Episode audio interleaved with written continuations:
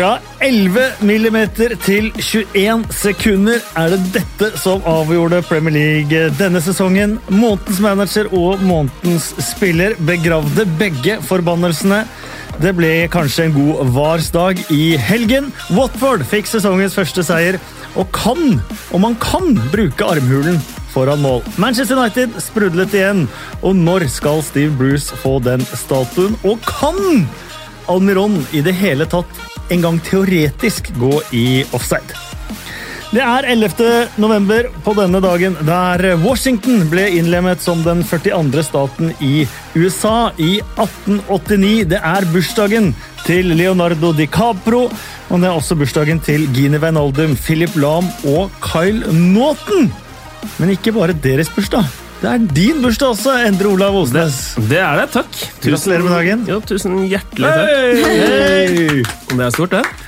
Gratulerer med dagen. Oi, gave? Gave. Det er faktisk første bursdagsgaven jeg har fått. Ja, og her skal du få den eh, andre. Eh, Dette er en bok jeg snakket om i denne podkasten før. Jeg er egentlig veldig eh, Det sitter langt inne å gi bort bøker som jeg har lest og som jeg har elsket. Eh, men dette er biografien til Paul Canoville. Den første svarte spilleren som spilte i Chelsea. Eh, en spiller som fikk rasistiske sanger sunget til seg av egne fans da han debuterte som 18-åring. Eh, han fikk bananer kastet til seg på banen. Han fikk barberblader i posten av sine egne fans. Han er også far til elleve barn. Nei, men til tolv barn med elleve forskjellige mødre. Eh, men det er, han har også da opplevd mye sykdom og mye motgang. Men det er en fantastisk historie. Eh, Black, eh, Black and Blue, biografien til Paul Canoville. Gratulerer med dagen, Endre Olav. Tusen hjertelig takk. Det var veldig, veldig hyggelig faktisk å starte dagen sånn med, med dere. Tusen takk. Den Det skal jeg lese. setter meg i veldig dårlig lys. her. Jeg lover at jeg glemte den bare hjemme. Det den kommer seinere. Men Ingvild Isaksen, du er den eneste som har over 60 landskamper for Norge.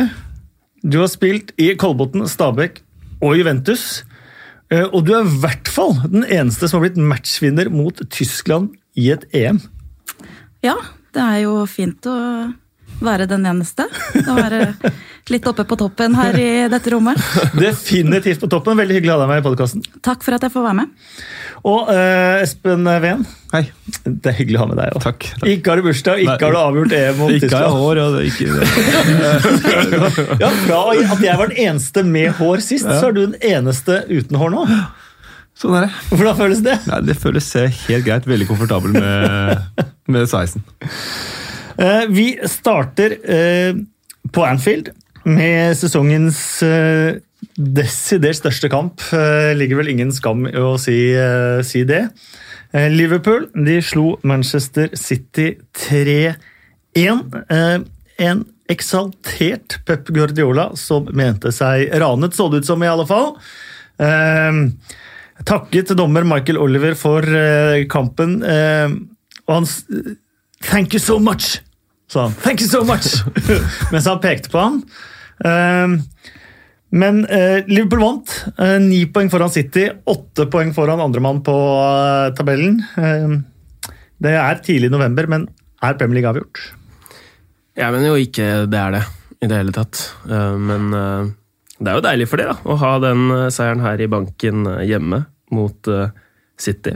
Så når eh, motgangen kommer, så har de, de har hatt eh, mye marginer eh, med seg nå, Liverpool. Men jeg mener langt fra avgjort. Ja, det mener jeg for så vidt jeg òg, men jeg syns det er vanskelig å se for seg at Liverpool skal tape Hvis City vinner resten av kampene, så må vel Liverpool altså, Vi må ikke glemme Leicester og Chelsea heller, men så må vel de andre, hvis de andre går ubeseira, så må fortsatt Liverpool tape to-tre kamper. og Det gjør de jo ikke, så da må de sikkert tape poeng i sju, åtte, ni kamper. Og det, akkurat nå ser det vanskelig å forestille seg, syns jeg. Nei, de har jo også, altså, det har vært jevne kamper, men de har på en måte hatt den kvaliteten med å avgjøre kamper i siste liten til eh, sin favør. Og det å ha den selvtilliten når man spiller kamp, da. eh, det å vite at eh, vi kan bare spille den kampen, vi kommer til å score til slutt, og vi kommer til å vinne. Det, det er en kvalitet som jeg tror de kommer til å beholde utover sesongen. Og jeg syns det ser vanskelig ut at de skal tape så veldig mange poeng, da, selv om City er det laget jeg tror absolutt kan ta det igjen. Da får jeg være den tab- tabloide her da, og si som José Mourinho eh, etter kampen. Jeg synes det er fornuftig sagt. Når du er der nede, og når du er i spillergarderoben, og sånt, noe som Pep Guardiola er, selvfølgelig kan man ikke gi opp eh, troen på at det kan gå. Men så sa han, nå sitter jeg her i Sky Studio mm. og ser at eh, dette her er så å si avgjort. Og jeg vet at det er tabloid, men de tapte altså én kamp forrige sesong. De har tapt poeng i én kamp denne sesongen. Eh, Manchester City kommer nok ikke til å vinne samtlige kamper eh, eh, framover. Eh, til det har de vist for store svakheter. De har tapt hjemme mot Wolverhampton, de har tapt mot Norwich, de har tapt mot Liverpool. Så jeg klarer ikke å si at Liverpool skal tape nok poeng til at Manchester City skal ta det igjen. Men det, det er min mening. Det kan hende jeg tar, tar feil. Ja, men det lukter jo, det lukter jo selvfølgelig trofé her. Lang vei. De avgjør jo kamper helt på, på slutten og ha alle, alle tegnene da, på at uh, det her er et, eh, et vinnerlag. Men uh, jeg syns uh, de var Det resultatet i går, der fikk de ganske maksimalt ut av det. I andre omgang var det hver eneste gang City hadde ballen, så skapte de nesten en, en sjanse. Kan man si at det er skade på Ederson, skade på Emerick Laporte og til dels skaden på Leroy Sané, som hvis det blir Liverpool, har avgjort ligamesterskapet denne sesongen? Eller er det kun Liverpools briljanse? Man må jo på en måte gi Liverpool eh, æren, æren for det, det, tenker jeg. Men, eh, men de har jo selvfølgelig blitt Men tenk om det er motsatt, da, at eh, Liverpool har mista uh, Alison til denne kampen. Hatt van Dijk ute til januar-februar. Eh, kanskje da enten Mané eller Stirling eh, ute. Man har jo på en måte snakket om at styrken, Nei, til, ute, styrken til City er at de har så mye bredde. Da. Det er liksom kvaliteten i, i laget og sånt. Så nå har de jo muligheten til å vise det. da. Ja, Bredde på stoppeplass har du ikke hatt. Nei. Nei. Og det burde de hatt. Det burde de hatt. Det var uh, midtstoppere tilgjengelig for slik og ingenting i sommer, så det er ikke noe unnskyldning. Gary Cahill, tenker du på? Nei, jeg tenker vel Toby Alvareld, kaller Er han bedre enn Gary Cahill eh, denne sesongen? vil du si? Nei, men uh, i sommer så var han det. Ikke sant? 25 millioner pund, det er slik og ingenting for en belgisk landslagsspiller. Eh, Det var en eh, situasjon som førte til 1-0, som ble mye diskutert eh, etterpå. Eh, Den gikk i hånda til Trent Alexander Arnold innenfor eget straffefelt. Liverpool kontra satte inn eh, 1-0. Hvordan så de situasjonen, Ingvild? Nei, Det er en sånn situasjon jeg bare ikke blir klok på. Altså, Hva er svaret egentlig? Og Det ser ut som ekspertene der ute på VAR, og de blir jo liksom ikke helt enige. Eh, Skal det blåses på angriperen, eller skal det blåses på forsvareren? Skal- For den er borti Bernardo Silvas hånd nå. Ja, eh, så er liksom, og den, den der eh, subjektive følelsen, er- er det en clear and obvious feil? Altså Det er så mye ting som spiller inn. eh, Så jeg skjønner at eh, City er frustrert over situasjonen, og det ender jo på en måte på dårligst måte for dem at de får eh, et mål i, i sekken. Eh, og Vi har jo snakket litt om det, det er kjipt å sitte og snakke så mye om disse VAR-situasjonene. så hadde det ikke VAR vært der, så ok, dommeren gjorde kanskje en feil. Move on, vi får ikke gjort noe med det. Mens nå sitter vi eh, etterpå og diskuterer hva som skulle vært gjort i situasjonen. Jeg har ikke svaret, aner ikke hva som burde vært gjort. Jeg teksta så vidt med husdommer Bobby Madley. og Han mener jo at når det går til VAR, så kommer de til riktig, eh, riktig konklusjon. Han mener at Oliver har ikke sett hensen på Bernardo Silva i forkant. Når VAR skal vurdere det, så skal de vurdere Trent Alexander Arnold-situasjonen. Eh, og det har de vurdert at ikke er clear and obvious. Eh, men så har du den eh, tredje faktoren, den nye regelen om at hvis en eh, hens, uansett hvis den treffer hånda, eller ikke er involvert direkte i en scoring, så skal jo scoringen annulleres som svart-hvit. Nå starter dette her i eget straffefelt, Mm. men det er jo det som starter kontringsmye-mål òg. Ja, ganske vill situasjon, men det hadde jo ikke vært hens på Trent Alexander Arnold hvis det ikke var hens på Bernardo Silva først. Nei, så derfor Så jeg tenker det, den er ryddig. Det jeg tenker er uh, en sånn konklusjon hvis man kan si at det endte opp uh, helt ok rett, i hvert fall ikke noe man kan ta den på, men den helt, helt 100% situasjonen her ville vært dommer blåser, frispark, Liverpool. Ja, så sykt har det blitt. At Det det, hadde vært at det hadde vært, vært den helt, egentlig helt riktige. Ja, det ikke latt kontringen gå, ikke dømt straffe, men frispark Liverpool. Men når den hendelsen på Bernardo Silva oppstår, så kommer jo den derre Ja, men er det sånn at den hendelsen der vil da føre til en målskåremulighet for Manchester City? Eh, på som da blir straffesparket til Liverpool, men nei. Bernardo Silva sin hens den skal tas ut av ligninga når de skal vurdere hensen på Trent Alexander Warnold. Så det å hense seg fram til en straffesituasjon er da ikke ah, blir, blir helt kalm, altså. Men, eh, men, det som er Det som er det, Det kunne jo lett vært unngått. Hvis Aguero bare hadde fortsatt å spille, ja, spille fotball. på en måte. Han slutter å spille fotball og er direkte skyld i det baklengsmålet. Eh, det er helt sant. Vi har fått et, et, spørsmål som jeg likte veldig godt på, på Twitter. Skal jeg bare finne finne det. Eh, nå har jeg ikke funnet navnet på, på, på vedkommende, men, eh, så det beklager jeg til deg på forhånd, men det var et utrolig morsomt eh, spørsmål. Hvis ballen er borti en angripende hånd Burde det forsvarende laget da egentlig bare la det angripende laget få score? For de veit jo at det målet blir annullert uansett, istedenfor å prøve å forsvare seg og kanskje havne i en annen situasjon som fører til straffespark mot eller mål. Ja. jeg syns det. Er du kald, altså, hvis du ja, gjør det? Ja, da er du kald. det jeg også syns er rart, er at uh, nå ser jeg, nå, man, får, man, ser jo etter henser hele tida. Uh, man ser jo mange spillere som liksom fortsetter å prøve å score etter at de har hatt en ganske sånn åpenbar hens, da, som dommerne eventuelt ikke har sett. Det syns jeg er rart, hva som motiverer dem til å prøve å score da. Mm.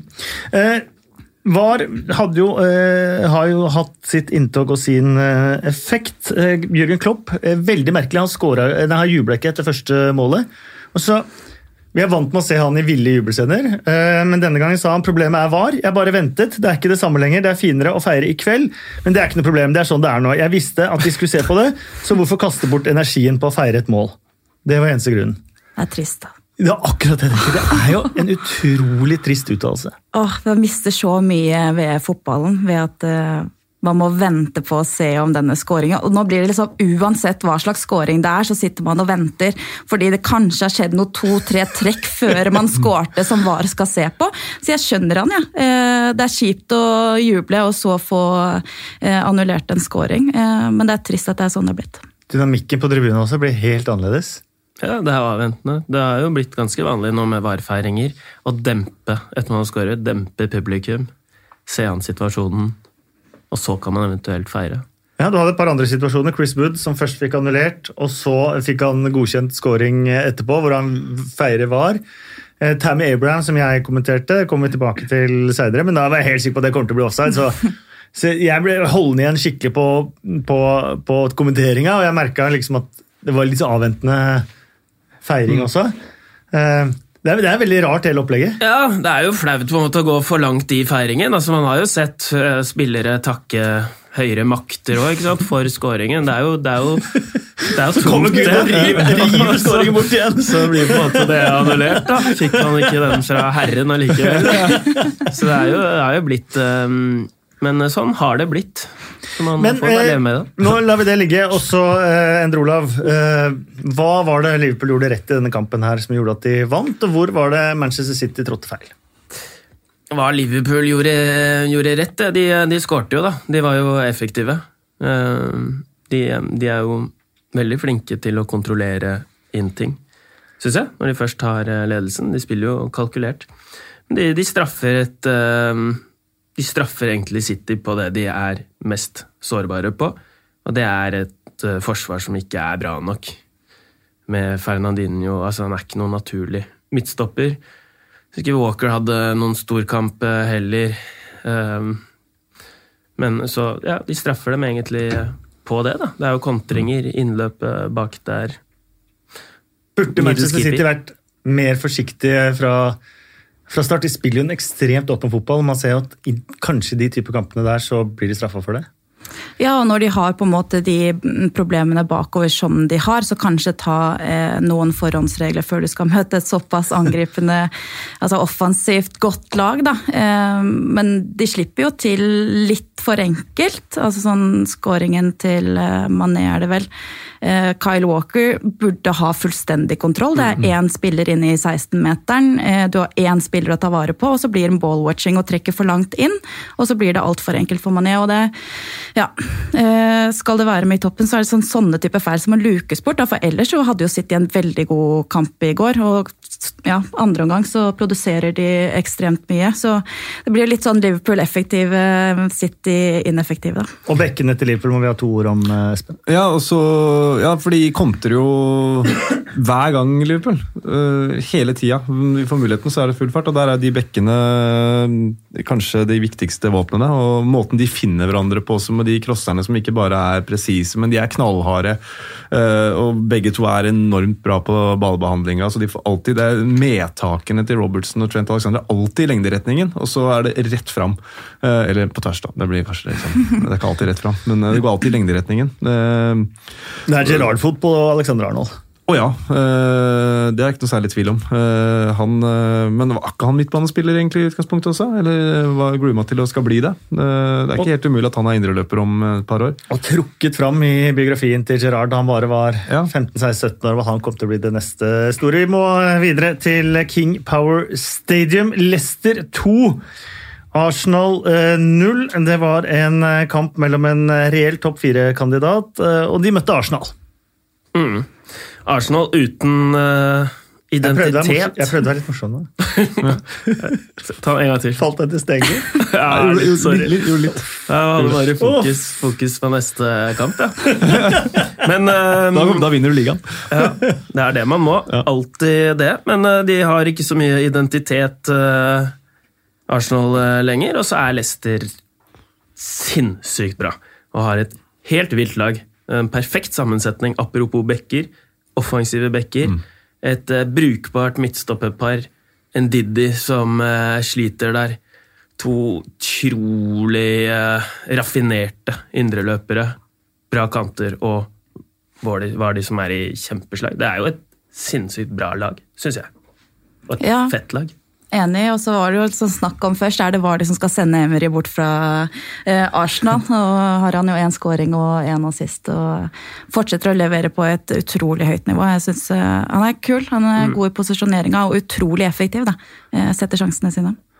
Og det er jo uh, han, jo, Nå har vi snakket litt om, litt om uh, Leicester, og det har vi jo gjort mye. De er en perfekt uh, miks av ungt, gammelt, nasjonaliteter. Alt på en måte mm. ligger til rette. men hvis de har en perfekt miks uh, Una Emery er jo sjanseløs på å finne sin miks. Det er bytting av spillere hver eneste kamp. Nå kjørte han trebekslinje i ligaen for første gang siden april. Han har gjort en del i Europa. Uh, og det ser ikke ut som det er noen i Arsenal som aner hvordan de skal spille. Nei, jo, alle disse endringene. altså Jeg tror at det, det påvirker spillerne. da, det At treneren ikke helt finner ut av hva han vil. Eh, mm. hvordan skal vi spille? altså det, det, smitter over på spillerne. Og de også ser så rådvillige ut eh, når de spiller. Eh, eh så de er nødt til å på en måte bestemme seg for et eller annet. Eh, gå for én eh, ting. For at akkurat nå så ser det ikke ut som noen helt vet hva de driver med. For du har jo, du har jo spilt Du har jo hatt en del trenere og sånt. Det virker jo som om Emry bare legger opp etter motstanderen. da, At det kanskje er et, eh, er et eh, problem. Hvordan var det når du spilte? La dere opp Nei, etter det, motstand, Hadde eget spill, eller hvordan var fokuset da? liksom? Nei, Det har jo variert. Det er jo litt uh, ut ifra trenere, og så er det jo litt sånn Spørs jo helt uh, hvem man møter. Uh, um, men det er en større trygghet å være trygg på sitt eget spill, og så heller gjøre små endringer inn mot kamper. Kanskje hvis man skal møte en veldig god motstand, eller kanskje noen som ligger veldig lavt, at man må gjøre noen små endringer. Men at i bunn så må det ligge en spillestil og en rød tråd som alle spillerne er kjent med. Og da er det også enklere å gjøre disse små endringene. Mm. Så Arsenal nå har ikke den derre uh, ja, den eh, altså bunnen, altså De er ikke samlet i bunn, og da er det vanskelig å gjøre endringer. Så når du begynner å gjøre endringer uten å ha den der eh, røde tråden i et lag, så blir de endringene for vanskelig. Og da, da klarer de ikke å, å, gjøre endringer inn mot kampene. Eh, Unna Emerys intervjuer de blir mer og mer surrealistiske og mindre og mindre forståelige. Ja, jeg synes det var interessant, for jeg fikk ikke sett starten av kampen. Jeg kom inn etter fem minutter, og da sjekka jeg lagoppstillingen på en app Eh, ikke samvirken. Men der sto Arsenal i 4-3-1-2 med Callum Chambers som defensiv midtbanespiller. Tenkte jeg å, det var ikke så dumt, for han var jo veldig god der i Fulham eh, forrige sesong. Så kanskje de burde gjort det? Kanskje de burde fulgt eh, den appen sin informasjon? Det hadde vært bedre. Det er en taktikere i Lausgård der. ja, det, ja, det var den appen, faktisk. Eh, Men det hadde jo vært mye bedre, for de skulle jo Jeg vil jo tro at tanken med å ha, ha tre bak og vingbekke var jo å demme opp for bekkene, som eh, Endre var inne på i stad, men det var jo, slo jo fullstendig feil. De, Chilwell og Pereira de koste seg som de aldri har gjort før. Hva var det du spurte om, egentlig? Eh, det, Jo, at Emery- Emerys eh, intervjuer blir eh, rarere og rarere. Ja, da, det, du nevnte det Fra forrige good evening til, eh, til det som var nå. Nå, nå, nå skjønner man ikke hva han sier. Nei, nei, Du nevnte vel forrige uke at han pleier å bare gjenta altså, kampbildet. Ja. Uh, Men nå gjorde han ikke det engang. Nå var det jo neste kamp eh, Vi skal spille mot Southampton. Og, Ja, ja, nå, da, Jento kan ja, det er terminlista, liksom! Ja, ja, ok, akkurat, ja, ja, nei, ja, men Det kan jo bli en kjempegøy kamp, og det kan det jo faktisk Ja. bli. Det er to slagne menn som skal møtes. Uh, par, eh, et spørsmål som er mer kuriøst. Hvilke Arsenal-spillere hadde fått starte hos Leicester? Jeg har Bernt Leno. Nei. Kasper Men er Schmeichel er, eneste. Kasper Schmeichel er bedre enn Bernt Leno. Ja, der, Men der er det tight. Men fins det noen andre Arsenal-spillere i den elveren han hadde nå som hadde fått starte hos, eh, hos Leicester? Nei, faktisk ikke. Uh, Guendossi er jo uh, Jeg liker han, men uh, kan ikke se han eh, gå inn på de eh, tre på midten der tidlig. Aubameyang for Ayose Perez, kanskje? Ja, ja, hvis han, ja, han spiller jo Han har spilt litt ute til venstre, så det kunne kanskje Ja, det, ja, ja, ja, det Ja. kunne han vel eh, ha forsvart. Men det hadde ikke passa måten Leicester spiller på. Eh, Da eh, kommer vi til det som, eh, det som er et mye mer relevant eh, spørsmål. Hvis Arsenal beholder Emery, og hvis man fortsetter i den tralten her som alle er misfornøyd med Det ser ut som ikke spillerne koser seg, fansen koser seg definitivt ikke. Eh, Hvordan skal Arsenal beholde stjerner som Lacassette, Aubameyang, eh, Bernt Leno og de andre? Det blir jo vanskelig hvis spillerne ikke er fornøyd. Én ting er jo de som er på tribunen og ser på fansen, at eh, de ikke er helt fornøyd med det som skjer utpå der. Men hvis Emry Emery begynner å miste tillit hos spillergruppa, eh, da har de et problem. Eh, for at da Og disse gutta vil jo spille i Europa òg. Nettopp. Eh, Så det er sånn De må gjøre noen endringer, om det er eh, eh, spillergruppa sammen med Emery som eh, klarer å få til den endringen, eller om de faktisk er nødt til å bytte ut eh, Emery. Det, mm, eh, det vet jeg ikke, men noe må endres, da. Eh, og nå, akkurat nå så ser det ikke ut som han har så mye tillit. Det er ikke spillere som har lyst til å, å løpe for han, så mm, det er et kjempeproblem. Og det er veldig vanskelig å få tilbake en tillit som er mistet.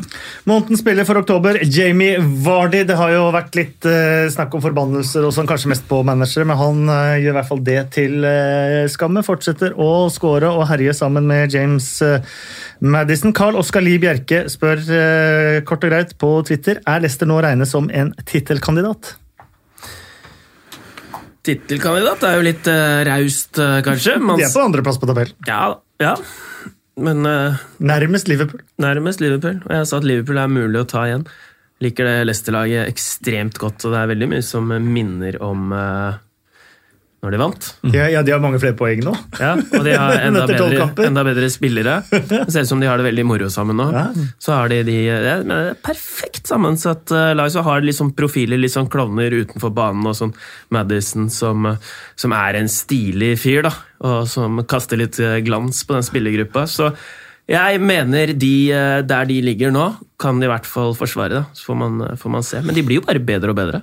Ja, Apropos den, eh, altså Madison er litt klovn med den der sekken han hadde og svaret han hadde. Men nå hadde han også en tweet hvor han eh, hadde et bilde av seg selv som ble løftet opp av uh, Sionchu. Og bare Det var et veldig rart løft, så du det? ja, men det, det, ja, veldig rart løft. og Det, det tar jo Madison tak i. Bare, bare, her er det Cag som gjør meg til Simba fra Løvenes konge. Eh, sånn at han blir løftet løfta opp der. Det er jo kjempegøy. Eh, Så han er jo klovn eh, med positivt fortegn. Men det har ikke bare vært positivt. Han, har jo, eh, han, ble sendt hjem fra forrige landslagssamling med feber, og under, eh, mens England spilte, så ble han jo avbildet på kasino.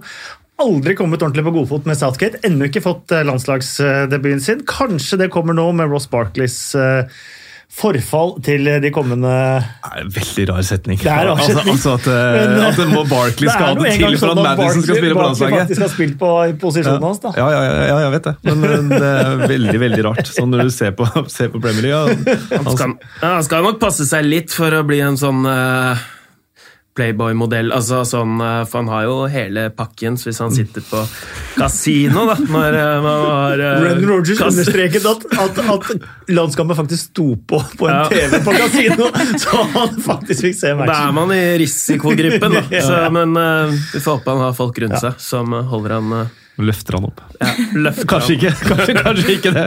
Tottenham var storfavoritter mot eh, Sheffield United av en eller annen eh, merkelig grunn. De tok ledelsen 1-0 også. Det endte 1-1. Sheffield United, første nyopprykkede lag siden Nottingham Forest i 1994 til å gå ubeseiret gjennom sine seks første bortekamper. Skal vi begynne der med å si at det er imponerende av Sheffield United? Åh, jeg digger Sheffield United.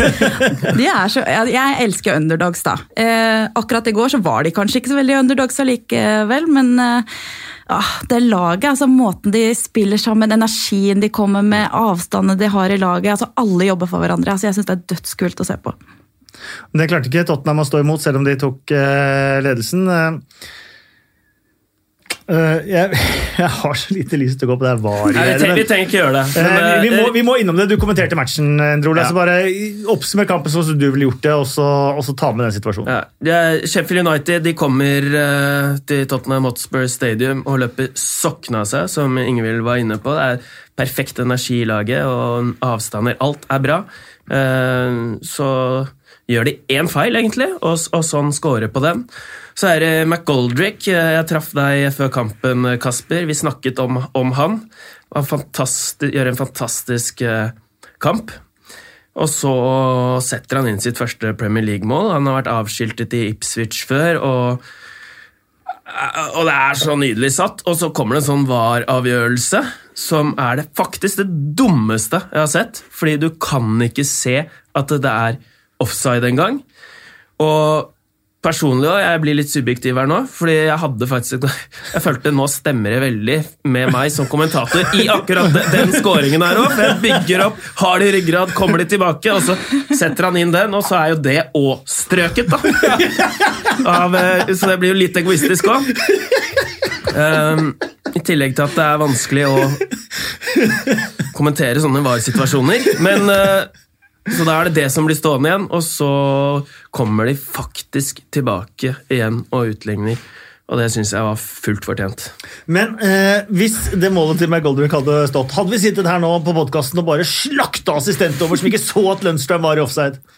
Jeg mener man ikke kan se Nei, at han selvfølgelig er kan man det. Stortå- hans er i offside.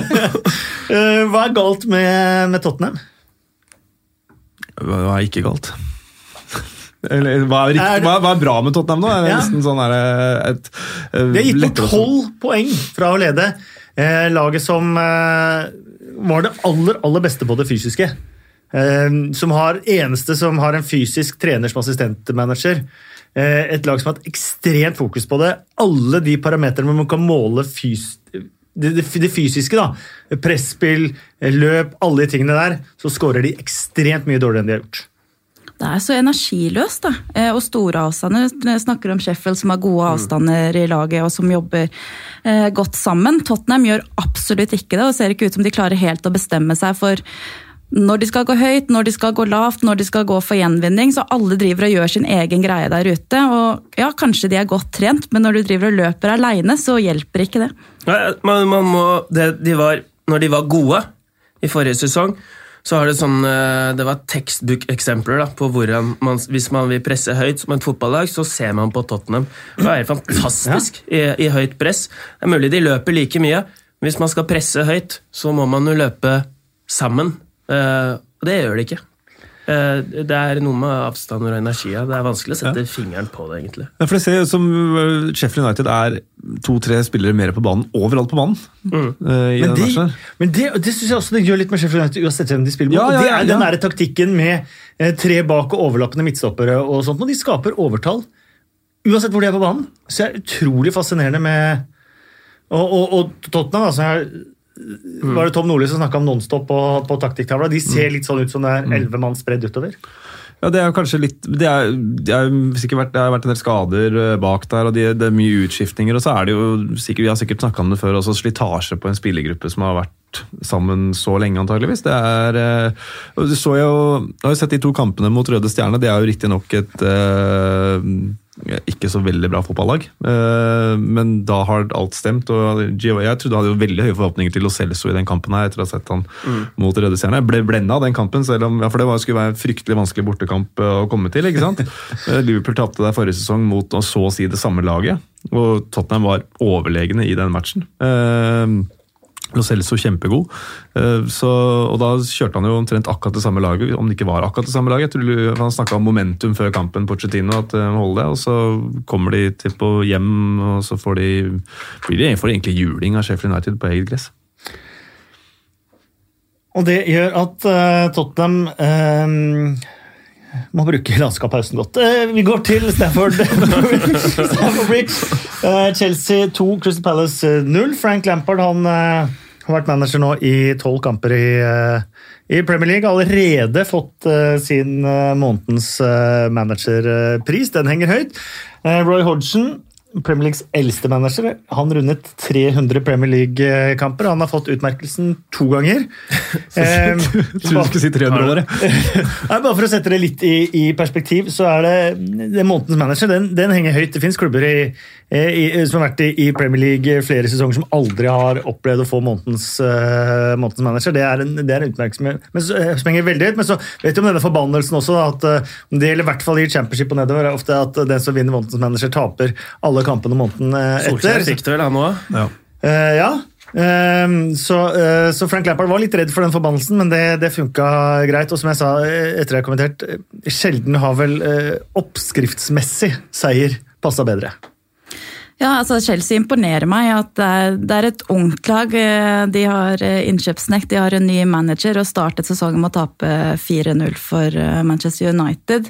Eh, Så den jobben de har gjort etter den starten, den syns jeg er imponerende. Og så er det gøy å se på Chelsea. Altså, De er så frie, kreative, unge, fryktløse, eh, og skårer jo masse mål fra, fra flere steder i banen. Så jeg syns det er kult å følge Chelsea nå, og syns de var eh, veldig gode i denne kampen. Så en første omgang så Crystal Palace eh, står ganske bra imot, men Crystal Palace har jo ingenting å Ingenting! komme med. Eh, så det at de, og du ser jo det første målet til Chelsea. altså Det må på en måte disse individuelle, kreative ferdighetene til da, for å bryte ned, bryte ned et sånt lag. Um, og de er nok heldige som får den eh, skåringa tidlig, og da syns jeg de har full kontroll. Reece James fikk sin første Premier League-start. Aspilicueta spilte 37 av 38 kamper sesongen før forrige. Spilte 38 av 38 forrige sesong. Eh, Og han skal opp mot Wilfried Saha. Det er jo en ilddåp, det. Eh, Hadde Saha i baklomma hele matchen, egentlig. Hele matchen.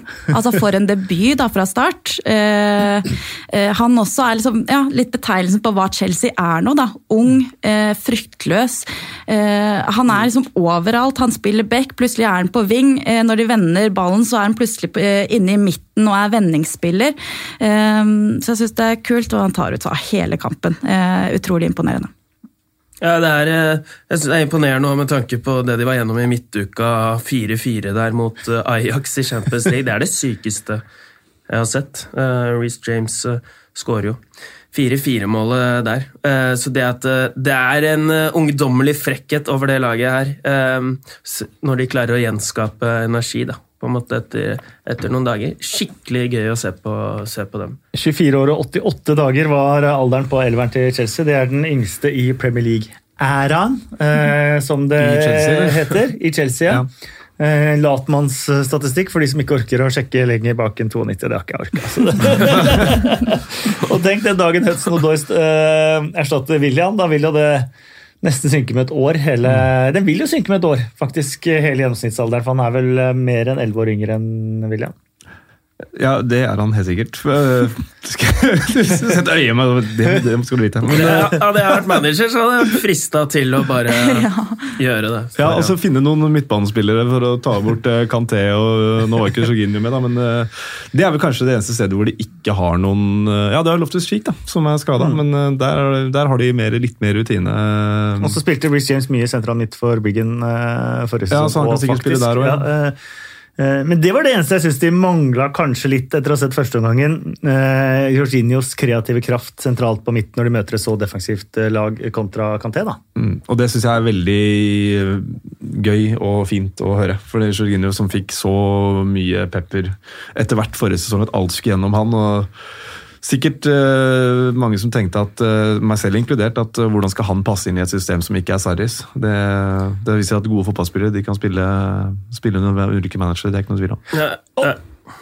Du kan fortsette, du. Men de høster godene av Sarri her. Det er, nå, det er Sarri-fotball de spiller.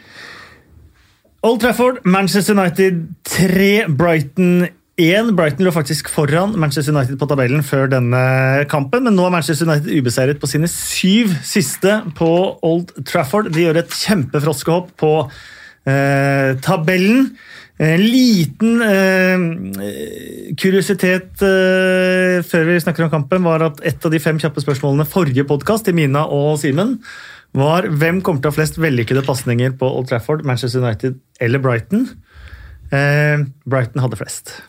Men det gjorde ingenting, fordi Rashford uh, Martial de uh, blomstrer, og Manchester United skåra mer enn én enda en gang.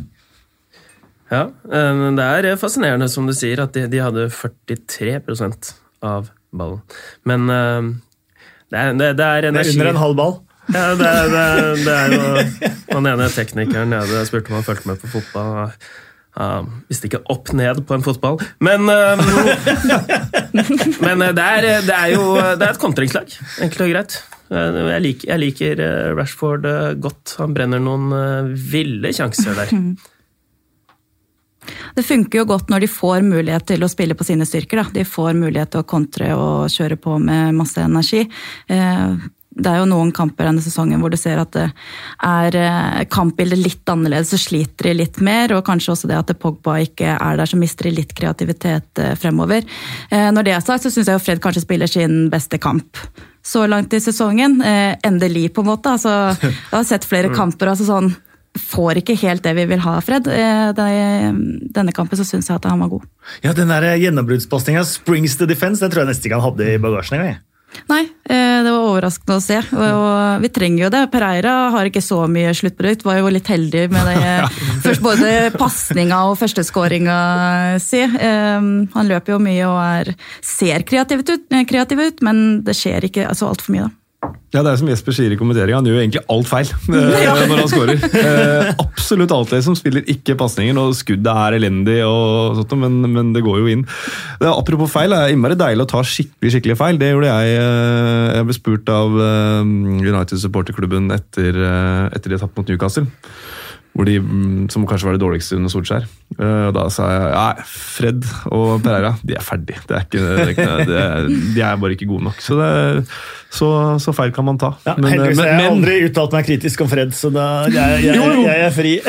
Ja, ikke sant? Men jeg, men jeg mener fortsatt at, at de ikke nødvendigvis er gode nok til å løfte United Enig. til eh, det nivået de ønsker å være på. Det er jo akilleshælen i, Ja. i laget. Det er jo midtbanen. Eh, Hvis du sammenligner den med andre midtbaner på gode lag i Premier League, så er den, eh, den er litt lett og leken.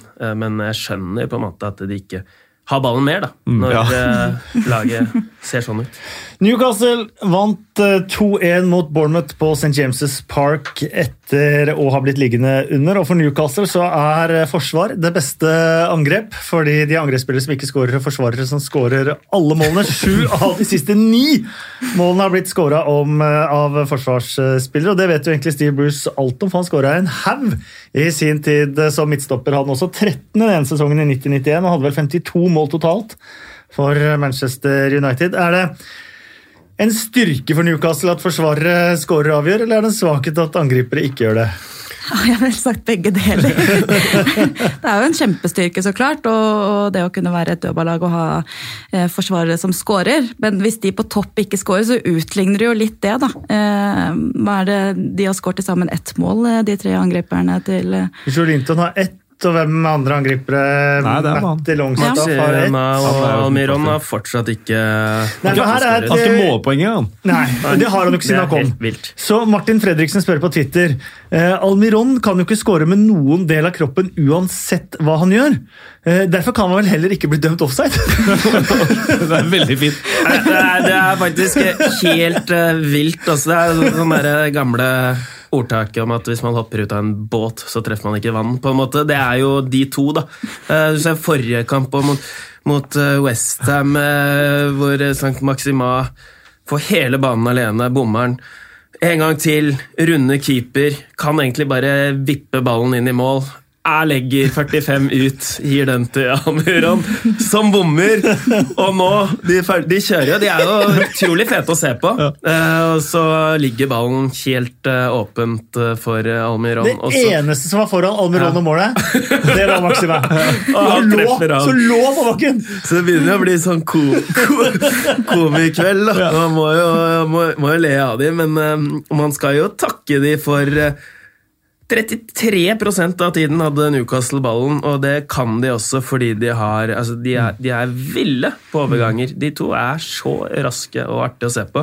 Så når det løsner for de, om det gjør det Ja, om det gjør det. Men St. Maximin føler jeg det har løsna for på mange måter. Selv om han ikke akkurat har sett i ballen i mål, så skaper han jo ekstremt mange sjanser.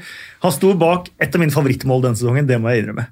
Det innlegget til 1-1 der, eh, hvor det er tomt i det feltet, inntil det bare kommer Du ser nesten bare en sånn der prikk som kommer bare flyvende gjennom TV-skjermen, og det er Jedlin som stuper ballen i mål. Ja, det er stilig. Det har vært åh. Det er ingen, akkurat som ingen helt skjønner hva som skjer, og plutselig så kommer det en flyvende inn i 16. Er det verdens raskeste styrkading? Det er superheltskåring, da. Ja. Enkelt og greit. Mangler bare kappa. Det, men eh, det er, eh, det er greit å ha litt sånne spillere og så et solid forsvar. Eh, Nå har faktisk Newcastle blitt et veldig morsomt lag å, å se på, men jeg, jeg tror liksom hvert uh, Maxima Han er fornøyd med å Han trenger ikke skåre så mye mål, tror jeg. Nei. Han syns det er moro å drible spillere. og Tror jeg. på en måte Jeg tenker at når han ser tilbake på kampen på kvelden, så tror jeg han fokuserer på de artige tingene han har gjort. da. Ben Arfa var jo litt samme typen i, i eh, Newcastle. Det var vel de to som hadde flest driblinger i ligaen forrige sesong, var Ben Arfa og Saint Maxima. Men eh, det har jo vært så mye eh, mange, mye misnøye i eh, Newcastle, og det har vært boikott av match, Mike Ashley er eh, det verste i verden. Rafa Benitez det beste i verden. Steve Bruce han føles nesten tvunget til å nevne Rafa Benitez både før og etter kamp hver gang. og det virker som en sånn derre hvis dere elsket Rafa Benitez så mye Jeg er jo en av deres egne. på en måte. Jeg er herfra. Jeg gikk på tribunen da jeg var barn. Hvorfor kan dere ikke elske meg? Eh, Etter tolv kamper forrige sesong så hadde Newcastle seks poeng færre enn det de har eh, etter tolv kamper denne sesongen. Det tok dem helt fram til helga før jul å få like mange poeng som de har denne sesongen, eh, da under Rafa Benitez. Ja, de, har- jo et lag eh, som, som er mer uforutsigbart, tenker jeg. Så den gode perioden som kom med Benitez, den er jeg ikke så sikker på på en måte kommer, da. Hvor de ser faktisk solide ut, vinner med ett mål.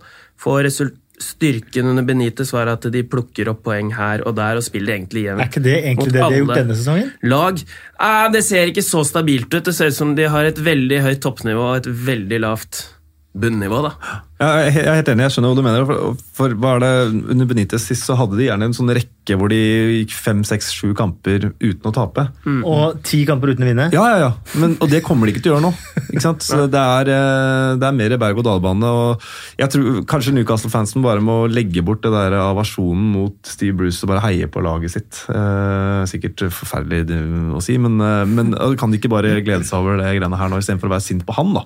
Kan de fortsette å være sinte på Mike Ashley, tenker jeg. Ja, Det er et veldig godt innspill. innspill, faktisk. Båndoppgjør på Carrow Road, eh, nummer 19 mot eh, nummer eh, 20. Det endte Norwich eh, 0, Watford 2. Watford 2 med sin første seier eh, for eh, sesongen. Kiki Sanchez Flores sa at dette var som vi skulle, spille, skulle spilt cupfinalen. Og spillerne sank omtrent sammen på matta etter matchen eh, i lettelse og utmattelse. Ja, Det så ut som en cupfinale eh, for eh, begge lag. altså jeg satt med sånn følelse, jeg veit ikke helt om jeg syns at dette her er en dårlig kamp, eller om det er en bare veldig underholdende kamp. altså Det fløyt så mye frem og tilbake. og um, uh, Watford skårer jo der. Uh, Buendia har jo en håpløs uh, involvering. Og så syns jeg Norwich i hvert fall i første omgang kjører jo på, og Hernandez på venstrekant der får mye plass og rom, men de klarer ikke å være effektive nok foran målet. Eh, Budia, nå har vi spilt ett minutt. Da skulle han prøve å ta luka på Deolofeo. Godt inne på egen banehalvdel. Eh, manager Daniel Farke rasende etter match. Sjelden man hører en manager sage huet av en spiller i så stor grad som eh, Farke gjorde. Jeg kalte det barnehagefeil. Og at eh, jeg vil veldig gjerne at spillerne mine utfolder seg, gjør masse feil og prøver risikable ting når vi angriper inne på motstanderens banehalvdel, men det der det er uakseptabelt, og det kommer vi til å ta på kammerset. Det, det var kampen man ikke skulle tape. da. Man, eh, man, kunne ikke tape, og så har du en spiller som prøver, prøver på, på, tunnel etter ett eller to minutter inne på egen halvdel. Det er ikke det uh, Norwich-laget trenger akkurat nå. Det er korrekt. Og det er helt vilt. Men han, får, mener, han må jo ta ut laget litt etter hva slags tenker jeg da, hva slags spillere han trenger. Så mener du Buendia bør vært vraka til matchen? Ja, jeg mener han trenger ikke spillere som prøver på tunnel uh, inne på egen halvdel. Det, men det kan han ikke på en måte gardere seg mot. Da. Kjenner jo typen. Mm. Ingen i Championship hadde flere ballgjenvinninger enn Buendia forrige sesong. da. Det er en kvalitet å ta med seg. Absolutt en uh, kvalitet, men jeg skjønner i hvert fall da, Jeg står på barrikadene for Bundia. Ja da, uh, men jeg skjønner at det provoserer han noe det voldsomt. Huske, det er, ja, som sagt, det var en cupfinale. Viktigste kampen for året. Det er det man bruker hele uka på og så gjør man Kampland det i starten. i dass etter ja. ett minutt. ja, så, så sprinter han jo ikke etter med en gang. Han bare, åh, Og så begynner han å halvjogge, og så begynner han å løpe. Så han tar jo nesten igjen DLFU og stopper den. Da hadde han løpt full sprint. Eh, det blir vismatte der som måtte, så kunne han kanskje tatt den igjen. Begge armer verre rundt hele stadion. Sorry, ja. sorry, sorry. sorry. Og sorry, litt misfornøyd. Han ble bytta ut også sånn. Så var ikke så, var ikke så lei seg, da. På det hele etter hvert.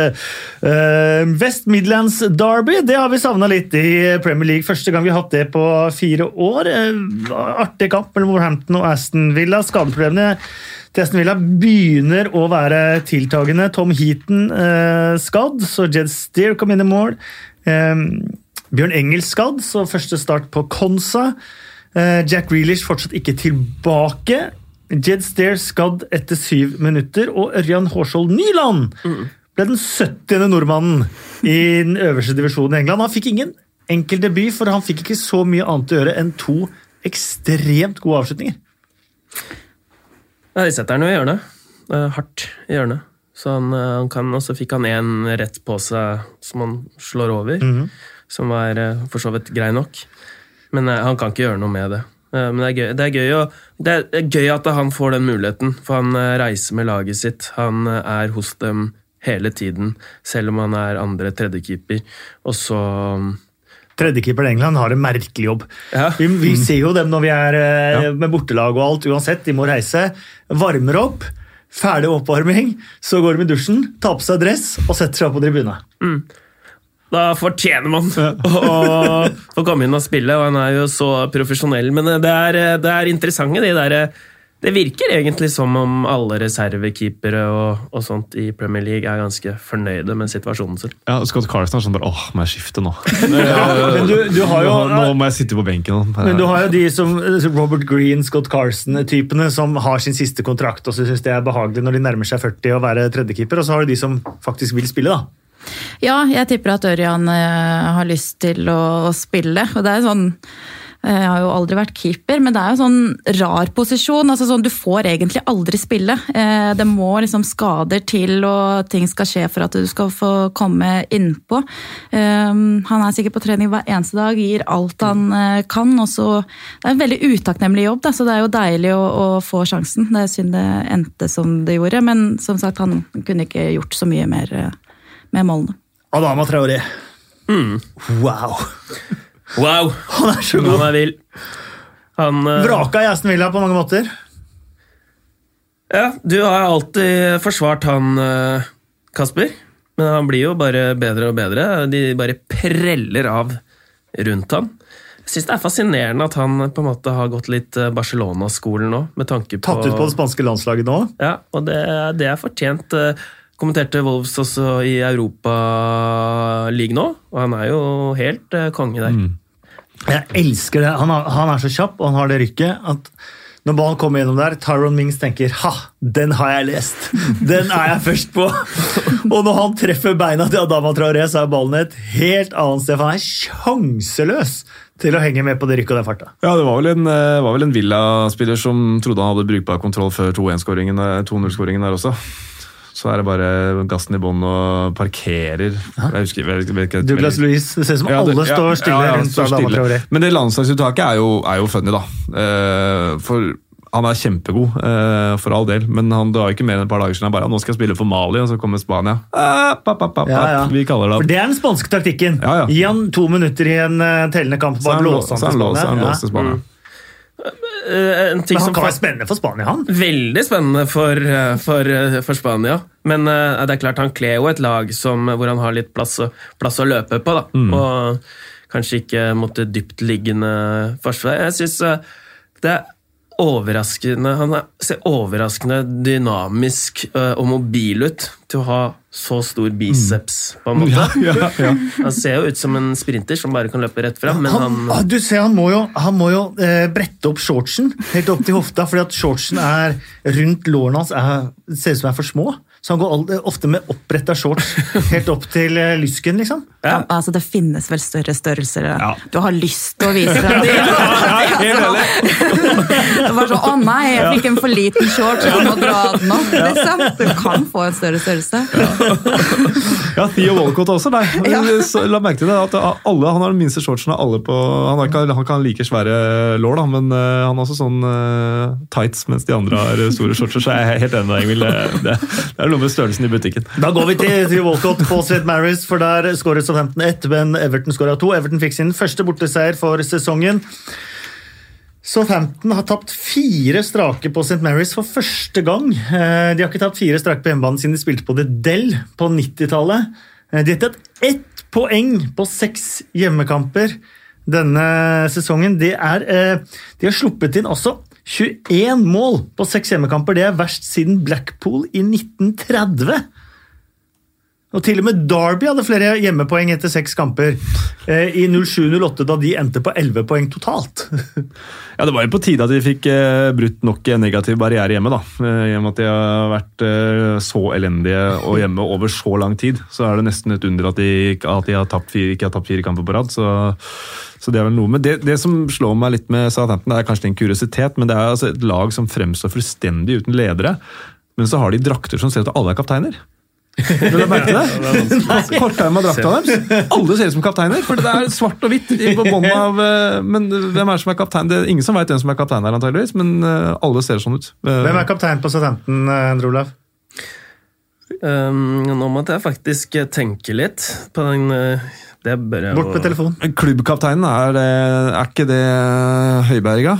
Er det han, eller er det han som er valgt? Han har vært kaptein, Burton har vært kaptein, Ward Prowse har vært kaptein. Uh, kanskje det er en eller annen Et lag med for mange kapteiner og ingen eh, ledere. Danny Ings skåret sitt femte ligamål denne sesongen. Det er ikke verst.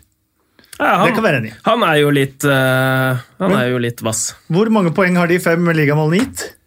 Uh, ett. Det er helt korrekt. Takk skal du ha. Nei, Jeg trengte et riktig svar nå. Det er helt sykt. Ja, det, det er helt sykt. På Målet hans er ingenting verdt. Skal han, men jeg elsker jo den at når skårer 1-1, så jager han liksom medspilleren sin. Han vil ikke feire. Men er det å miste huet litt òg? Mister man litt fokus noen ganger når man skal jage liksom, Ikke glede seg over skåringa, men sånn jage på, på videre når man utligner? Nei, men Jeg skjønner jo at det, sånn, det betyr så mye mer å, å vinne en kamp nå enn det er å, å skåre det ene målet. Um, så jeg skjønner på en måte det at man vil jage på og, og heller gå for uh, en til. da. Um, men jeg, hadde jeg skåret Jeg, jeg skårte jo så sjelden at jeg jubla så sykt mye når jeg skårte. Så jeg, jeg, jeg liker jo egentlig ikke spillere som ikke jubler, da. Eh, Jeg syns man skal eh, sette pris på eh, arbeid som på en måte ligger bak skåringen, og at man skal, score. Og jeg mener at det også Altså Det viser det andre laget òg nå, da. Mm. Eh, hvis du er liksom litt pottesur og, og sånn, så, så tror jeg ikke det andre laget blir så veldig skremt av det. Everton vinner 2-1. Flott scoring av Richarlison. Eh, han hadde fått en liten beskjed av Marco Silva om å ikke ligge så mye Han tåler jo ingenting, Richarlison. Selv om det ikke nødvendigvis er filming, så skal han alltid ligge hele tida. Jeg merka det godt da jeg var på Goodison Park forrige, eh, forrige helg, at hjemmefans syns ikke det er noe særlig. Det er veldig mye sånn Get up! Come on! Get up! Eh, til egen spiller. Eh, og så tenker jeg litt det, Han ligger så mye nede, og han ligger ofte litt sånn livløs eh, nesten, før han reiser seg opp idet dommeren blåser av spillet. og ok, her må han få... Sett i lys av André Gomez-skaden og, og sånne alvorlige skader, burde fotballspillere tenke seg litt mer om for disse ulv-ulv-greiene, egentlig? Ja, jeg syns det. Jeg syns det er Eller jeg har spilt med spillere òg, som ligger mye nede. Problemet er at du tror ikke på dem til slutt. Eh, Så den dagen eh, de skader seg ordentlig, så kommer ikke folk til å bry seg på samme måte. Eh, Er det spillere som ikke ligger nede, og hvis de da først ligger nede, så skjønner man at det er alvorlig. Jeg syns generelt sett da, at det, folk ligger for mye nede, og det tar for lang tid. I Italia, når du var der, lå de mye nede da? Ja. Det er jo litt, det er jo litt kultur, da. Det, det er Neymar ikke sant, som er en stor i Brasil, og så, så det er, handler jo om kultur. Og, Ja, men jeg, Alle vet hva det handler om, men spørsmålet er liksom om det liksom, man burde tenke seg om en gang til i lys av liksom de alvorlige skadene man har sett. da. Nei, tenker Nei. jeg. Richarlison, eh, flott spiller, men eh, jeg syns han er irriterende når han ligger eh, for mye. Det er min mening. Kevin Madsen, eh, Jibril Sidibé, som har kommet inn i de siste par kampene, etter min mening vært en av Evertons bedre spillere. Endelig en fullverdig konkurrent på høyreback for første gang siden Tony Hibbert konkurrerte med Coleman. Det er deilig å få nevnt Tony Hibbert igjen. da. Det er det. savner han. Den gråeste fyren som har vært i Premier League, antageligvis.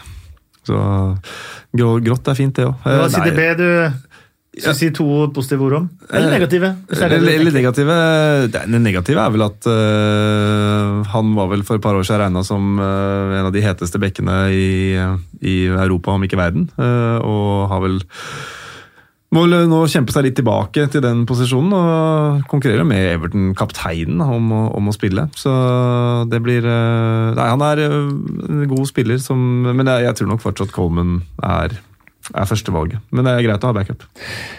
Burnley 3, Westham 0. Eh, Første skåringa til eh, Ashley Barnes på en corner. En corner som blir slått på bakerste til Tarkovskij, som header inn i feltet, hvor Ashley Barnes eh, skårer. Dette er ting vi kan melde når vi kommenterer før corneren blir slått. Eh, Jeg vil anta at det har vært fokus på en videoanalyse, fordi at Burnley slår i hvert fall fire-fem av de cornerne i hver match. Hvorfor klarer man ikke forsvare seg mot det da? Det er et veldig godt spørsmål. Eh, Han får jo stå helt alene når eh, ballen blir headet eh, tilbake i feltet. Han er jo egentlig omringet av fire Westham-spillere. Det er jo en slett jobb, da, vil jeg egentlig si. Når du vet hvordan cornere slås og, hva de er ute etter, så bør man kunne løse det bedre. Ja, for det er, det er ikke første gang vi ser det også. Everton eh, slåss på bakre til Jeff Henrik. Det er den andre varianten, eh, hvor han ankommer alene. Da redda Jordan Pickford eh, først, og så skjer det igjen. Eh, og da redda ikke Jordan Pickford prikk lik eh, hjørnespark. Er fotballspillere litt eh, mindre smarte? Burnley er ekstremt bra på det òg, da. Ja. Det skal sies. Det er, nesten, det er jo en av grunnene til at de, de er der oppe. Eh, så det er veldig vanskelig å ta ut gode hodespillere, men man veit jo hvem de slår mot. Så at de ikke klarer å gardere seg mot det. Men om når man ikke klarer å er- gardere seg mot hodeduellen hodedøren til Tarkovskij, det, det kan jeg på en måte forstå. Men at man da klarer å la Ashley Barnes få stå eh, med eh, to meters radius alene på headingen som eh, Tarkovskij header ned til han Ja, men det er, det er vanskelig, altså. Dødballer er eh, Det er, eh, det er eh, vanskelig. Så hvis du hadde vært eh, Western-manager, så hadde du holdt rundt gutta i pausen her bare Ja, det er vanskelig, gutter. Ja. Nei, det gjør så godt dere Selvfølgelig kan. ikke. Man skal jo ikke slippe inn, uh, inn dødballer, men eh, Burnley er ekstremt eh, bra på det. Og de har sikkert veldig stor respekt òg for eh, Burnley, så da blir man seende mye på ball, og så glemmer man oppgavene sine, og så er det flere som gjør det. Og West- Westham er jo et litt uberegnelig fotballag, for å si det mildt. I tillegg. Ja, så oppstår det nye situasjoner mm, på hver duell så Mm. at, som du ikke kan gardere deg mot. Ja, Du veit at ballen kommer på bakerste, så veit du at han kan vinne den. og klart Du bør jo være forberedt på det, men, men det går fort. ikke sant? Og det Jeg kan jo hylle litt hvor gode de Burnley er på offensiv dødball, da, framfor, eh, framfor uh, Og det er kjepphesten min, egentlig, på, på dødballer. Hvis du slår den mot første, og så vinner man den første stussen, eller på bakre, Hedesinien, så er det helt nye premisser. da. Det er en ny situasjon, og da er det veldig vanskelig. Så den første duellen Der er god til å sette, sette gode dødballtrekk på footballmanager, faktisk. Ja, det er det. Nei, er det. Ja, det Det er akkurat de to variantene som ja. ofte kjøres også. tviler jeg ikke på. Um, Ashley Westwood skrudde ballen rett i mål um, på, uh, foran The Cop forrige sesong. Um, jeg mener faktisk at Dubious Goal Panel burde gi han skåringa også, og ikke selvmål på Roberto, for jeg mener den hadde skrudd inn på bakerste hvis ikke keeper er borti. Det er en, eh, igjen ikke spesielt eh, mye mer enn akademisk betydning. Eh, men vi kan si to ord om Roberto, da, for han har vært helt fryktelig etter at Fabianski ble skadd. Han er ekstremt god på reaksjonsredninger fra sju meter og inn. Eh, alt annet er han fryktelig dårlig på. Han var litt god på langskudd nå, nå, da. I den kampen her. Han var god etter 3-0. Ja, etter 0-3. Det er litt, det er litt seint, Men det er akkurat det, Han har noen fantastiske redninger, sånn reaksjonsredninger, eller kan slå ut, men keeperspillet hans er generelt elendig. Ja, og det utkastet er jo som starter 2-0, er det ikke det? Ja, Fabianski var jo det var, Han var jo bra på det han ikke var bra på. på måte. Han var offensiv og ute og God skuddstopper òg. Ja, god, god skuddstopper òg. I tillegg til at han da ikke kaster baller i mål. Ja, det er dumt. Det er på en måte det viktigste som keeper uh, sin Vi må ha egenskap. to ord om eh, Dwight. McNeil. Uh, fantastisk uh, god. Slo gjennom et brak forrige sesong. Vraka i Manchester United som uh, unggutt. Linkes tilbake til Manchester United nå. Fått beskjed av Sean Dyche at det er bra å være god, men du må smile òg. Ja, Der har jeg et spørsmål til, til Ingvild, faktisk. Fordi um, eh, eh, i V- i VM så hadde kvinnelandslaget De hadde jo da sånn eh, De drev og noterte seg for kroppsspråk. At man skulle ha et positivt språk, eh, kroppsspråk. For det får Dwight McNeil her beskjed om. Har det noe Veit du åssen det funker, liksom? Um, altså de har jo sett at det er viktig på en fotballbane. eh, Det å se hverandre, og ofte um, ikke så mye i toppserien kanskje, men i VM så du får ikke til å prate så mye med hverandre, så kroppskontakt er veldig viktig. Det å se hverandre i øynene, gi high five. Um, men eh, hvis det ikke ligger helt naturlig for noen, så kan det virke litt sånn falskt. Mm. Det å tvinge noen til å, til å utstråle noe annet enn det de er, det syns jeg virker litt rart. Men ja.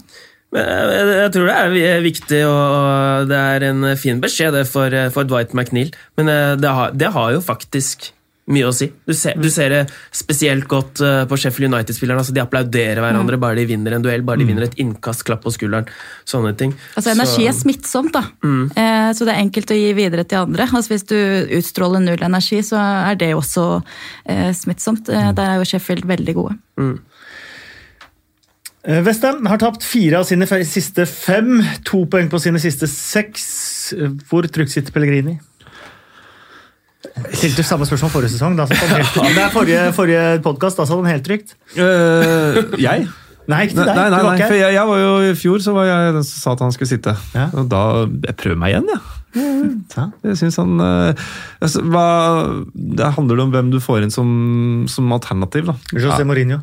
Ja, Tror du han gidder å ta Det er bare min Nei, nei, det var ja, min det lille variant. Hadde vært gøy, men, eh, men jeg Det er vanskelig, altså. Det de, de har jo klart å snu det flere ganger. Ja, han klarte å snu det sist, Pellegrini, og jeg må jo ha troa på at han kan, kan gjøre det igjen. Jeg, jeg mener at de eh, ikke nødvendigvis må finne noe bedre alternativ eh, denne sesongen her, da. Så gi det til eh, hva jeg sa for, hva jeg sa for et år siden. Gi det til jul. Så får til jul. Vi, vi satt akkurat samme tid forrige sesong og diskuterte det. Litt tidligere, faktisk. Ja, litt tidligere. Da sa jeg at jeg, jeg sa at han er ferdig. Um, det, her er, det her er kjørt. Så um, Og VN sa at han må sitte. Så vi må jo bare Vi går for VM. høre på VN. Man skal lytte når VN snakker. Da skal du faktisk. Ser så klok ut. Ja, gjør det. Gjør det. Jeg har hørt, det, jeg har hørt ofte. Skal vi gå til blomster og kaktus og det andre? Det var moro å se på. Morata var kjempegod. Hva i all verden? Det er lov å si hvor mye det provoserer meg. Han snakka ikke om seg sjæl, han snakka om dommeren. Vi deler ut litt eh, blomster og sånt. nå. Er det noen spesielle vi har lyst til å gi eh, blomsterbukett til denne uka? Ja, jeg har jo bursdag, eh, men jeg har lyst til å gi den til en som også har bursdag i dag. Det hørte jeg på introen du hadde, det visste jeg faktisk ikke. Eh, Men jeg husker Leonardo egen... DiCaprio. ah, Han fortjener blomster, men han tror jeg får masse blomster. Men, men Veinaldum han uh, syns jeg var eh, banens beste i går. Eh, det gikk over, Jeg tror han kanskje hadde én gang han mista ballen. Han spiller på ganske høy risiko, han skaper sjanser med de pasningene. Herlig moral, gjør jobben han er satt til å gjøre, gjør de rundt seg bedre. Får ikke noen overskrifter i går, men en vanvittig kamp. Er vi enige? Enig i det. Eh, Jeg ville gitt eh, mine blomster til Sheffield. Jeg syns, United. Eh, United. Eh, jeg likte det, så jeg syns det var veldig gøy å, å se de. Og så samtidig så syns jeg at det cornertrekket til Bournemouth, det synes jeg er kult. Jeg elsker Ja. når sånne planlagte trekk funker. Eh, Det er så deilig å se på. Avslutninga er jo også og råbra. Men eh, de tapte jo til slutt, så men cornertrekket, det syns jeg var stille. Apropos det, vi har snakka om det så vidt eh, før også, at eh, hadde du hatt andreassist i fotball, sånn som man har i hockey, så hadde Joshua King eh, sett langt bedre ut på de, de listene. Ny andreassist på Joshua King, bare for å ha nevnt det. Da er det nevnt. Da er det nevnt. Har du noe bedre alternativer, Espen? Nei, egentlig ikke. Men Du er så redd for å bli nedstemt nå at du ja, bare slutter ja, å det regner jeg med. Men, eh, men Sheffield United, uh, synes jeg, apropos dem, Twitter-kontoen dem synes jeg var fin. fordi Istedenfor å være sure på VAR, så bare Men sjekk målet vi skåra. Mm. Eh, og så viste de hele sekvensen. for Hvis du bare ser høydepunkter, så får du ikke med deg at det er, det er 25 trekk Ja. før de skårer. Uh, også til Anfield. Men de hadde altså med offside-situasjonen på Twitter-kontoen sin. Å ja, ja, ja. ja. Men, eh, men det her har vi. Jeg har jo selektiv eksponering og alt det der. ikke sant? Jeg, nå velger jeg å plukke ut det positive. Eh, og helt enig med, med, med EO også, med, med Wijnaldum. Syns han var rågod. Og så bare en liten siste ting fra den kampen. Tonen i matchen synes, likte jeg veldig godt. Altså, det var eh, tøffe dueller. eh, det var eh, som det skal være i en toppkamp, men spesielt den duellen Fabinho-Fernandinho, når Fernandinho kommer litt seint inn i Fabinho. og så Istedenfor at de går opp i trynet på hverandre og kjefter på hverandre, så er det liksom smil. Ok, det her skjer. Eh, Jeg syns etter kampen også at det det var en, en, en tøff atmosfære i kampen, men tøff, men fair, da. Roy Keane begs to disagree. Eh, Antageligvis, men jeg, jeg støtter, jeg støtter Endre på, på ja. Ok, Da blir det Veinaldum som får eh, blomsterbuketten. Hva med øyeblikket? Er det hele egentlig Hens Silva, Hens Arnold 1-0? Ja, kanskje, men jeg, klarer, jeg klarer ikke å fri meg fra den Almiron-greia. altså. Ja, det er enig. Ja, altså, ja, det, det, det, Kan du bare beskrive den en gang til? Ja, det kan beskrive det fra ballen triller ut der, så ligger Sankt Maximin. Og det jeg tror da er at Sankt Maximin gjør alt han kan for å komme seg unna. Og når han gjør det, så gjør han en bevegelse med føttene som gjør at de går opp en halvmeter over bakken, og det er den tåa Aniron treffer. Altså, det er så enormt. Altså, det, det, skal ikke gå på Miguel Almiron. Uh, så for meg er det litt sånn uh, kanskje litt humorbasert øyeblikk, men uh, Enig. enormt stort. Jeg stemmer for det, ja. Hvis ikke det er noen andre veldig veldig gode kandidater. Ingen innvendinger.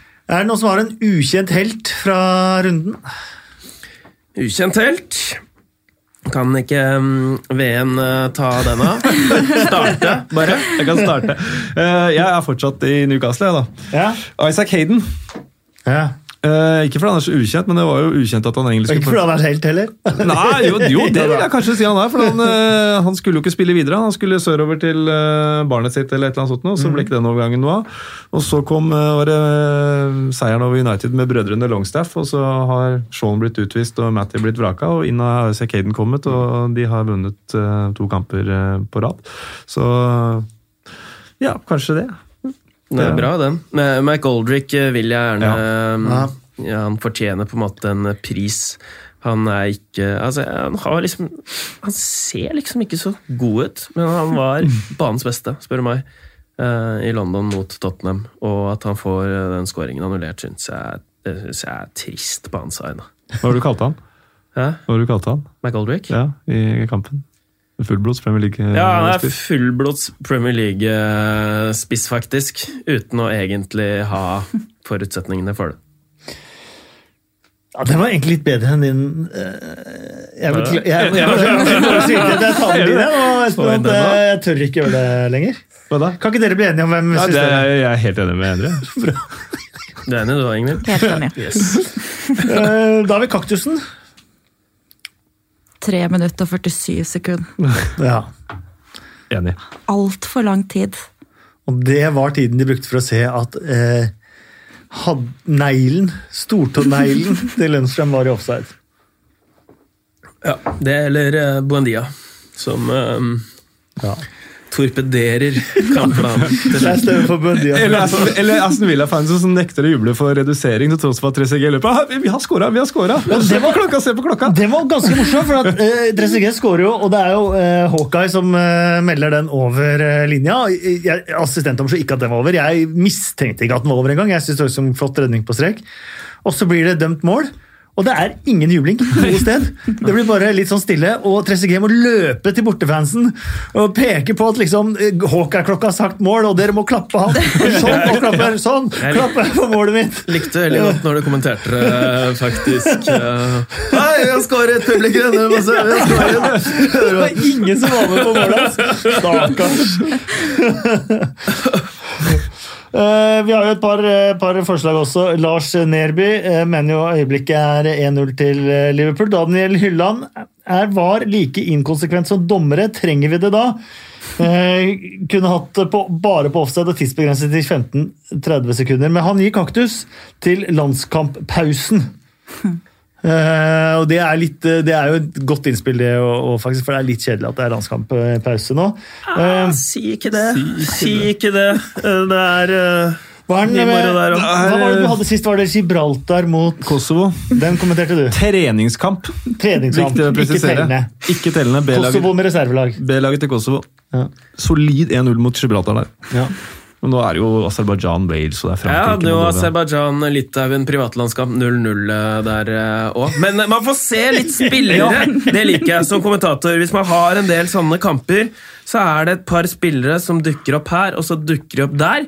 Og så har man faktisk sett dem. Ja. Jeg er helt enig. Det, eh, det var før dere begynte å jobbe i TV 2. Da hadde vi portugisisk liga, som jeg kommenterte mye av. Det elska egentlig. Man så Hulk, Hames, Falcao, David Louis, Matic, alle de spillerne. Før de liksom ble household names. da. Eh, veldig veldig morsomt. B. Helgevik eh, går for den samme kaktusen som vi hadde forrige gang. Eh, var også denne helgen ødelegges den flotte idretten vår av mange kontroversielle avgjørelser. Er drittlei hele greia. Og så har Daniel Hylland en ukjent helt Veinaldum på Twitter. Er det noen som har noe sett Veinaldum på Twitter? Følger han der? For det har ikke Nei. jeg gjort. Nei? Det må jeg gjøre. Kanskje det er et lite Twitter-tips. Vi eh, går til Bill Edgar. Arsenals syv siste. Aldri skjedd! Første gang siden er den sjette spilleren. Fun factsene til Bill Edgar. Bill Edgar, statistikkmannen i eh, den engelske avisa The Times, kommer jo med sine takt, eh, hva heter det, statistiske betraktninger eh, hver mandag i bilaget The Game. Eh, Vi syns jo det er morsomt å sitere Bill Edgar eh, her, fordi at eh, han har jo mange artige betraktninger, vil jeg påstå. Eh, Det skjedde mye i helga, så kanskje han har noe spennende til oss i dag òg, da. Du bygde opp veldig før vi satte oss ned her, så det er høy expected wow i dag. Skal jeg ta den jeg bygde opp til deg Ja. eh, først, og siden vi har Ja. vært inne på 3.47 fra Ingvild her og sånn òg? VAR-avgjørelsen i Tottenham-kampen tok 3 minutter og 47 sekunder. Altså lengre tid enn Hisham El Gerush sin verdensrekord på en engelsk mile. Det er uh... Hisham El Gerush kunne løpt fire og en halv runder rundt banen på den tida VAR-avgjørelsen tok!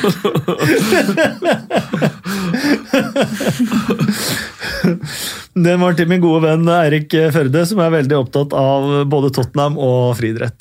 Det er hans eh, to store lidenskaper. Eh, I løpet av de siste to årene har Manchester City sluppet inn fem mål i løpet av åpningskvarteret i Premier League. Samtlige minus én av dem har blitt skåret av Liverpool.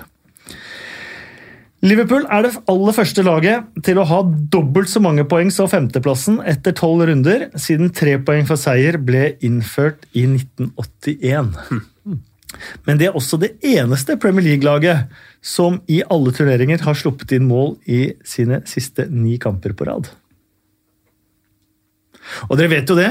De tre eneste som ikke holdt nullen i Premier League på hjemmebane denne sesongen, Norwich, Southampton og Liverpool. Ja, det er, eh, det er eh, litt karakterbrist, faktisk. Er det. Eh, vi har jo snakket om Chris Wilder og hans reise fra først Northampton og rykke opp dem fra League 2 til, til Premier League med Sheffield United. Nå ligger de på femteplass. Ja. Hans rekke da fra Northampton og til femteplassen nå, det er 92 lag i ligasystemet.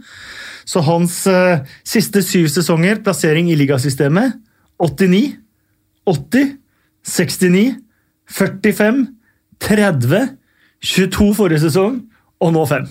Det er, eh, det er rått. Det er kult. Ja, det er helt rått. Uh, Wilders lag er nå ubeseiret på bortebane i England i over et år. De tapte mot Swansea i januar, men Swansea er i Wales. Eh, men de tapte mot Nottingham Forest borte 3. november i fjor. Det er siste gang de tapte på bortebane i England. Eh, Premier Leagues eldste manager Roy Hodgson plukket sesongens eldste lag til å møte Premier Leagues yngste manager, som hadde plukket sesongens yngste lag i og Eh, Leicester har skåret 15 ligamål siden sist de slapp inn, og det er deres lengste rekke av denne sorten på 60 år. Imponerende. Imponerende. Var du fornøyd med Bill Edgar, Espen? Ja. Syns du Hisham Elgerushen hadde expected Valen du hadde ja, jeg er kanskje litt for lite bevandra i løpemiljøet til å skjønne hvor stort det er. Jeg likte den. eh, Den likte jeg eh, Likte jeg faktisk eh, veldig, veldig godt. Jeg sto og triksa i pausen på en jervkamp i andredivisjon. Var der jeg fikk andredivisjonsdebuten min. og så hørte, Det var en del tilskuere der. Det var jo sånn 500-700. Hørte jeg det var sånn kjempeapplaus. da. Så var det en da Flo, en eh, lokal løper, som hadde lagt dragene sine til, til pausen i den kampen der, for å kjenne litt på mesterskapsfølelsen. Jeg skulle gjerne hatt Hisham El til å løpe den mens var. Det var Det hadde vært gøy, To faktisk. fluer i en smekk. Eh, Vi avslutter med fem kjappe spørsmål, men eh, før de kommer, så bare minner vi at vi er på Twitter. To PL-pod heter vi der. Eh, Vi er jo på Twitter som personer, alle fire her også, så du kan stille oss spørsmål eh, der. Eh, Gjerne slakte oss der, hvis det, du føler for det etter å ha hørt denne drøye timen med podkast. Men vi er på iTunes. Eh, Der er det bedre med eh, fem stjerner og, og, og ros. Uh, og så ta slakten egentlig på Twitter, da. Ja, ta den internt. Ja, ja. Så hvis det er slakt, så får, får man det. Det, er, og det er ofte fortjent òg, eh, noen ganger ufortjent. Eh, fem kjappe spørsmål. Vi har fått eh, litt hjelp fra Twitter på, på denne. Eh, Sindre Taule, Taule Sandstå har kanskje det beste spørsmålet. Hvem er deres favorittspiller i Premier League? Almiron. Jeg har svart, jeg. Ja, du har svart. Eh, Dette er fem kjappe spørsmål, folkens. Ja, litt sånn som for Fabinho i det siste. Ja. Jeg hadde jo lenge William som i hvert fall helt i topp tre der. Eh, Men jeg må svare Buendia nå, faktisk. Så etter slakten Buendia har fått i denne podcasten. Trent Alexander Arnold. Eh, Sondre Bremer, er dette Guardiolas siste sesong i Manchester City? Nei. Nei. Nei. Ja. Ok. Det har jeg sagt uh, lenge. Jeg tror ikke han er der mer enn fire sesonger. Nei. Eh, Bjørn Rudshagen. Uh, nei, vi tar heller Knut Einar Mjåvatns eh, spørsmål. Eh, er topp fire satt? Nei. Ja. Ja. Ja. Eh, hvilke managere får sparken i landskamppausen? Om noen. Nå har jo Emery allerede begynt å tenke på neste kamp mot Ja, Southampton. det er veldig surt du sa Ja, så jeg tror det redder, jeg tror det redder, hans. Det var taktisk utspill. Ja, ja, si. Kjempelurt. Allerede begynt å tenke neste steg. Nei, ingen, tror jeg. Tror ikke det. Nei? Kanskje Emery. Hvis noen, så er det han. Hvis noen Hasenhüttel. Ja, jeg sier både Hasenhutter Ja. og Emery. Da blir det jo kjempebra kamp der Ja. eh, neste gang. ja, for Hasenhutter var ikke så smart at han begynte å snakke Arsenal-kamp med en gang. Yes, next picture, we meet Arsenal. Eh, Siste spørsmål. Kane eller Abraham på topp for England mot Montenegro? Abraham. Abraham. Uh, Abraham de er jo ferdig videre, er de ikke det? England. Jeg tror allikevel det blir Kane. Det blir jo Kane, men altså, hva, hva, er spørsmålet hva syns, hva burde det være, eller hva blir det? Du kan tolke det akkurat sånn som du vil, Espen. Ja, ja, da tolker jeg det som uh, Hvem er det som kommer til å spille? Da, da tror jeg Kane. Felix, Kane eller Abraham på topp? Kane. Takk for at du lagde episoden eh, vår, Felix. Bare. Takk til Moderne Media for det samme. Takk for at du kom, Ingvild. Takk for at jeg fikk komme. Takk for at du kom, og ha en kjempefin eh, fortsatt eh, bursdag, Olav. Tusen takk for gaver og oppmerksomhet. Ja, det var kommer etterpå det gaven. Veldig, veldig hyggelig å feire med dere, faktisk. Det var det. Takk for at du kom, eh, Espen. Takk for at jeg fikk komme. Og takk for at du hørte på.